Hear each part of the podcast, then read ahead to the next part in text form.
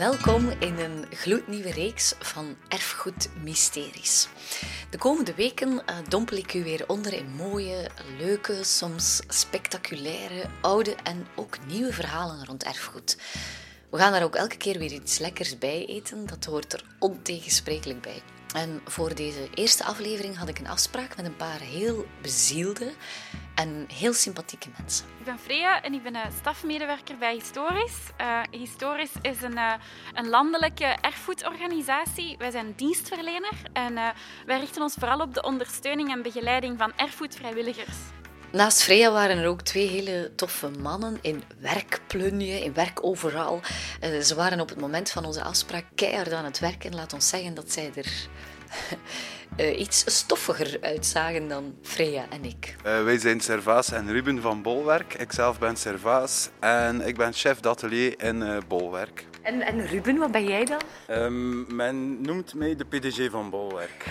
Um, zelf beschouw ik me als de regisseur van ons collectief. En last but not least zou ik daar ook nog iemand anders, iemand heel bijzonders ontmoeten. Namelijk kleine Emma. Hoe oud is Emma? Uh, vijf. Het is nog een klein perlutje. Maar zo klein is ze in uh, de feiten ook niet. Zullen we eens gaan kijken? Waar staan we hier eigenlijk? We staan dus in de baarmoeder van kleine Emma. Ehm, de baarmoeder is wel een beetje kil en rood. En uh, heel betonnerig en stoffig. Vol met machines en heel veel verschillende materialen. Bolwerk is naast de baarmoeder van kleine Emma een enorm groot en inspirerend atelier waar er eigenlijk ontzettend veel kan gebeuren.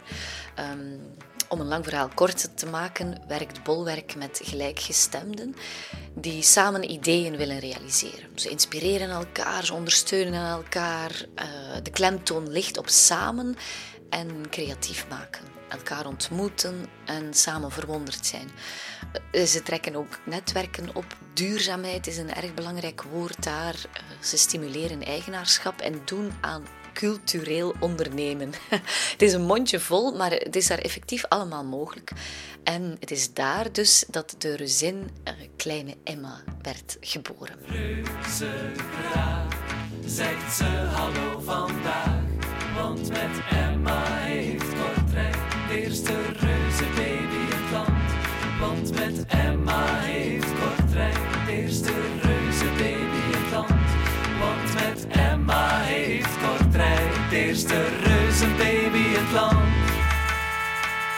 Laten we misschien eens beginnen bij het begin, even terug in de geschiedenis. Het idee van grote mensen of van reuzenfiguren, dat kennen we echt al heel lang. Reus Goliath bijvoorbeeld spreekt tot de verbeelding uit de mythologie. Atlas is ook een grote figuur. Dus we kennen dat, figuur, dat fenomeen van reuzen kennen we al heel lang. Maar specifiek dat mensen echt reuzen gaan maken en, en mee op trot nemen, om het zo te zeggen, dat, dat begint bij ons ongeveer, schatten wij, uh, in de 14e eeuw. Die mythologische figuren, dat kon iets goed voorstellen of iets kwaad voorstellen. Dus dat had echt wel een, een soort van hogere functie dan gewoon iets dat des mensens zou zijn. Maar tegelijk, en dat is ook het leuke aan die reuzen, je hebt ook heel nederige reuzen, die bijvoorbeeld echt gewoon iets hedendaags voorstellen. Een dorpsfiguur die iets leuks gedaan heeft voor de buurt en die wordt dan vereeuwigd als reus bijvoorbeeld. Dus het is echt wel heel divers. Eh, wij hebben ook een klein beetje onderzoek gedaan en daaruit blijkt dan dat die reuzen vooral eh, in Vlaanderen bestaan. Ook een stukje in Spanje en Portugal, dacht ik.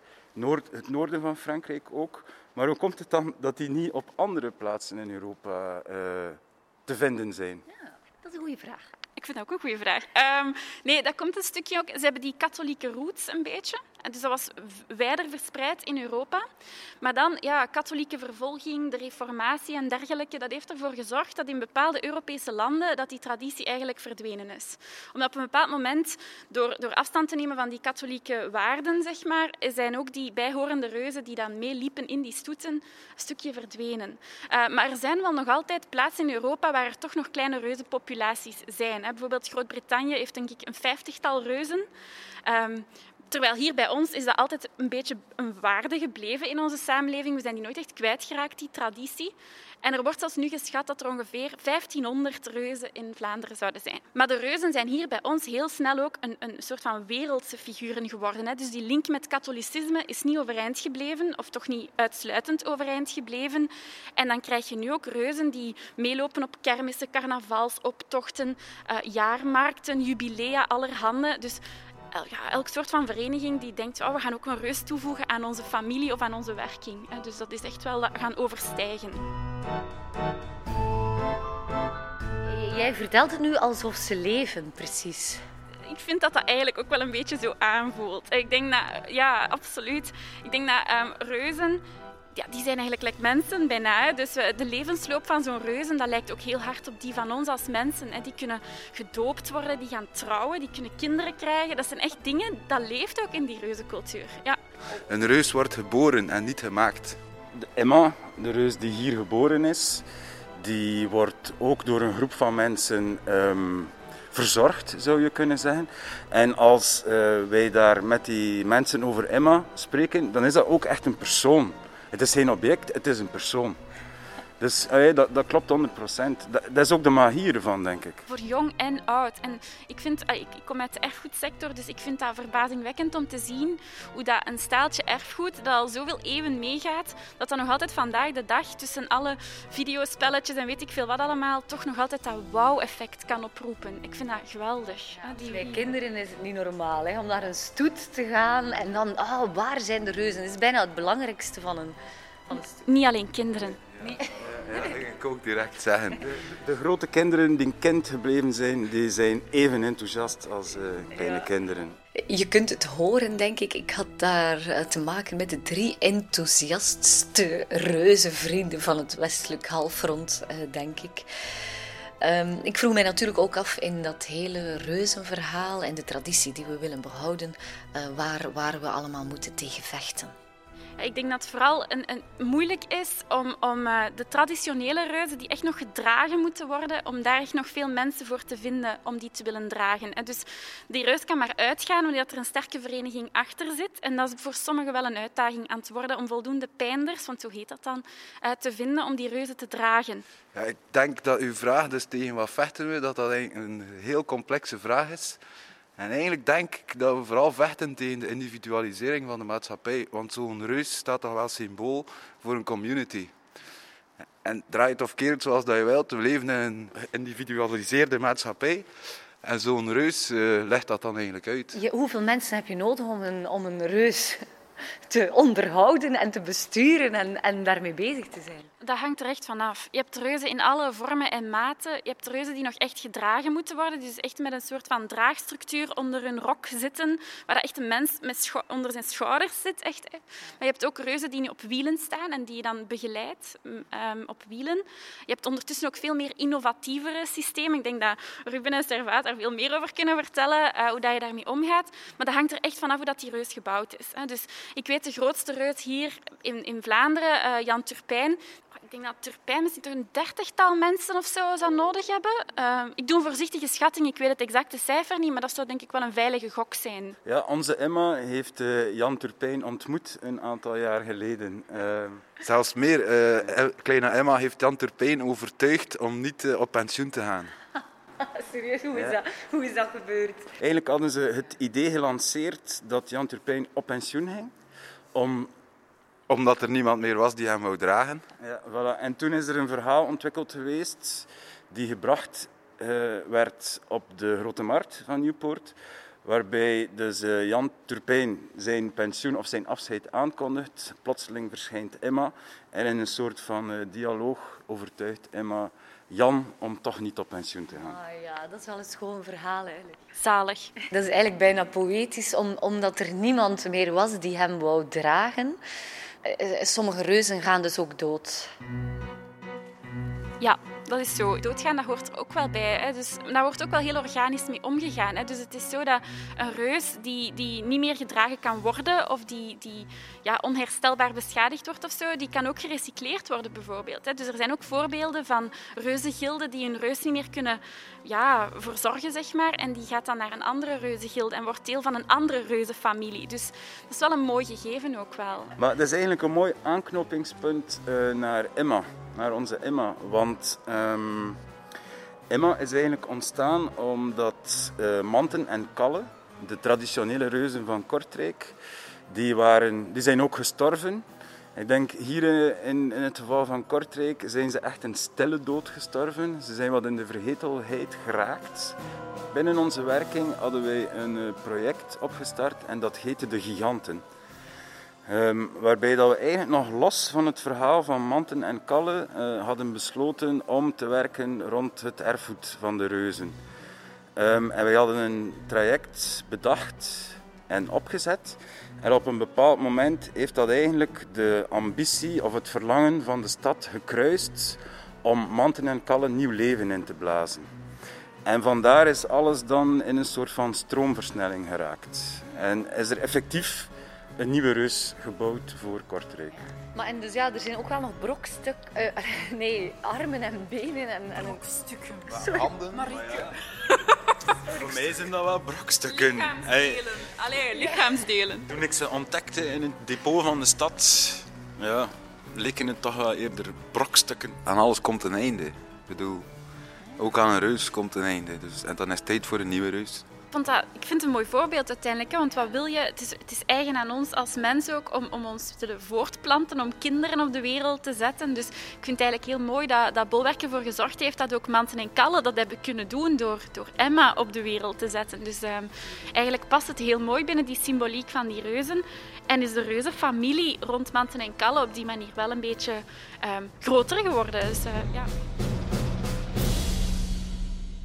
Gaan we een chocoladezoen eten? Uh, ze zitten hierin. Ik dacht dat ze bij Bolwerk geen borden hadden. Uh, over een half jaar terug was het hier ook restaurant elke middag. Maar serieus, was het altijd? Ja, ja, ja. ja. Oh ja wat maakten jullie dan? Uh, er was een dagelijkse vegetarische schotel. Daarnaast was er uh, quiche sowieso. En iets dat aan soep, ja. Maar en lusten jullie chocolade? Ja, ik ben van. Het, het, het, het, zijn, het, het zijn op zich wel um, chocoladebommetjes. Uh, tas, tas toe. volledig zijn. Ja, ik ook. Nee. Plat of bruis? Uh, mag, mag plat zijn. straks, straks gaan, we, gaan we dus eens kijken um, naar, de, naar de kleine Emma.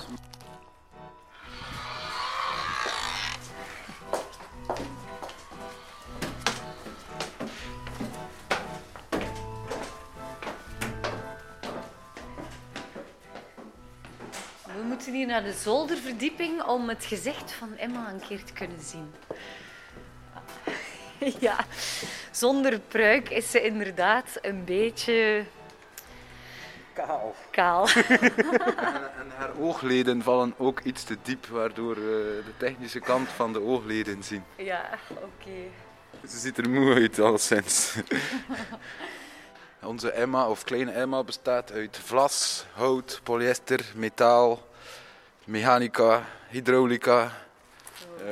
Uh, dus we zitten met een installatie van 7 meter hoog. We komen in steden terecht. Uh, heel vaak hangen daar kabels over de baan. En uh, die hangen zo op 4 meter, 4 meter 50. En uh, we hebben eigenlijk ja, de installatie of de draagstructuur van Emma redelijk ingenieus in elkaar gestoken. Zodat als we zo'n kabel tegenkomen, dan niet de stoet moet stilvallen, maar dat we eigenlijk in een heel korte tijd de boel kunnen inklappen, onder die kabel gaan en de boel terug omhoog zetten. Dus dat, dat is wel iets waar ik fier op ben. Je moet er wel je hoofd bij houden. Hè. Het is uiteindelijk wel een ding. De constructie zelf is bijna 7 meter hoog. Uh, het beweegt, dus je zit daar met een soort stabiliteit. De Emma zelf is 5 meter 20 hoog. Dus ja, oh, je loopt als een massa mensen. Uh, je wil niet dat er iets verkeerd gaat. Is dat veiligheid ook belangrijk? Uh, de heftrek zorgt voor de aandrijving van Emma en draagt Emma eigenlijk. Maar ook daar wouden we toch nog een link terugleggen naar het oorspronkelijke fysieke arbeid van een reus te doen leven. En op de Clark zijn er dan een achttal plaatsen voorzien waar eigenlijk de bedieners van Emma kunnen plaatsnemen en door echte fysieke arbeid eh, Emma tot leven te doen brengen. En dat hier, dat zijn haar handen. Ja, en dat zijn de gimpies. Dat zijn de hempies. De traditionele hempies die iedereen die denk ik voor de jaren 90 is geboren wel zal herkennen. Maar ze is gegroeid, dus we gaan een nieuwe maat moeten zoeken. Ja, en misschien ook iets anders dan de hempies, want ze wordt ook wel ouder. Hè? Eh, Maar je gaat dat misschien niet meer willen dragen. misschien voilà. moet dat een stevig laarsje, laarsje zijn of zo. Of met een hakje. Met een hakje, ik weet niet of ze daar al klaar voor is. En een droom is dat we ooit nog ehm, de vriend of de partner van Emma creëren. En daar hadden wij dan graag eh, om de superdiversiteit die onze samenleving kenmerkt, dat daar dan bij betrokken. En, en, en, en om ervoor te zorgen dat haar vriend een meer Zuiders karakter heeft. Want Emma is nu zeer arisch. Ze heeft blonde haren, helblauwe ogen. Maar haar vriend moet ehm, hij, die moet dat, die, die diversiteit binnenbrengen in het verhaal van Emma. Zodat dat ook, dat we ook daar weer een connectie leggen. En dan is direct de cirkel rond met manten en kallen die eigenlijk symbool staan voor eeuwige liefde en trouw en verbondenheid. Super toffe plannen, want dan worden eigenlijk Emma en haar, haar nieuwe, nog niet gedefinieerde vriend worden dan eigenlijk ambassadeurs voor wat er vandaag leeft in de samenleving. En ik denk dat dat ook iets is waar dat reuzen zeker en vast een rol spelen. Hè.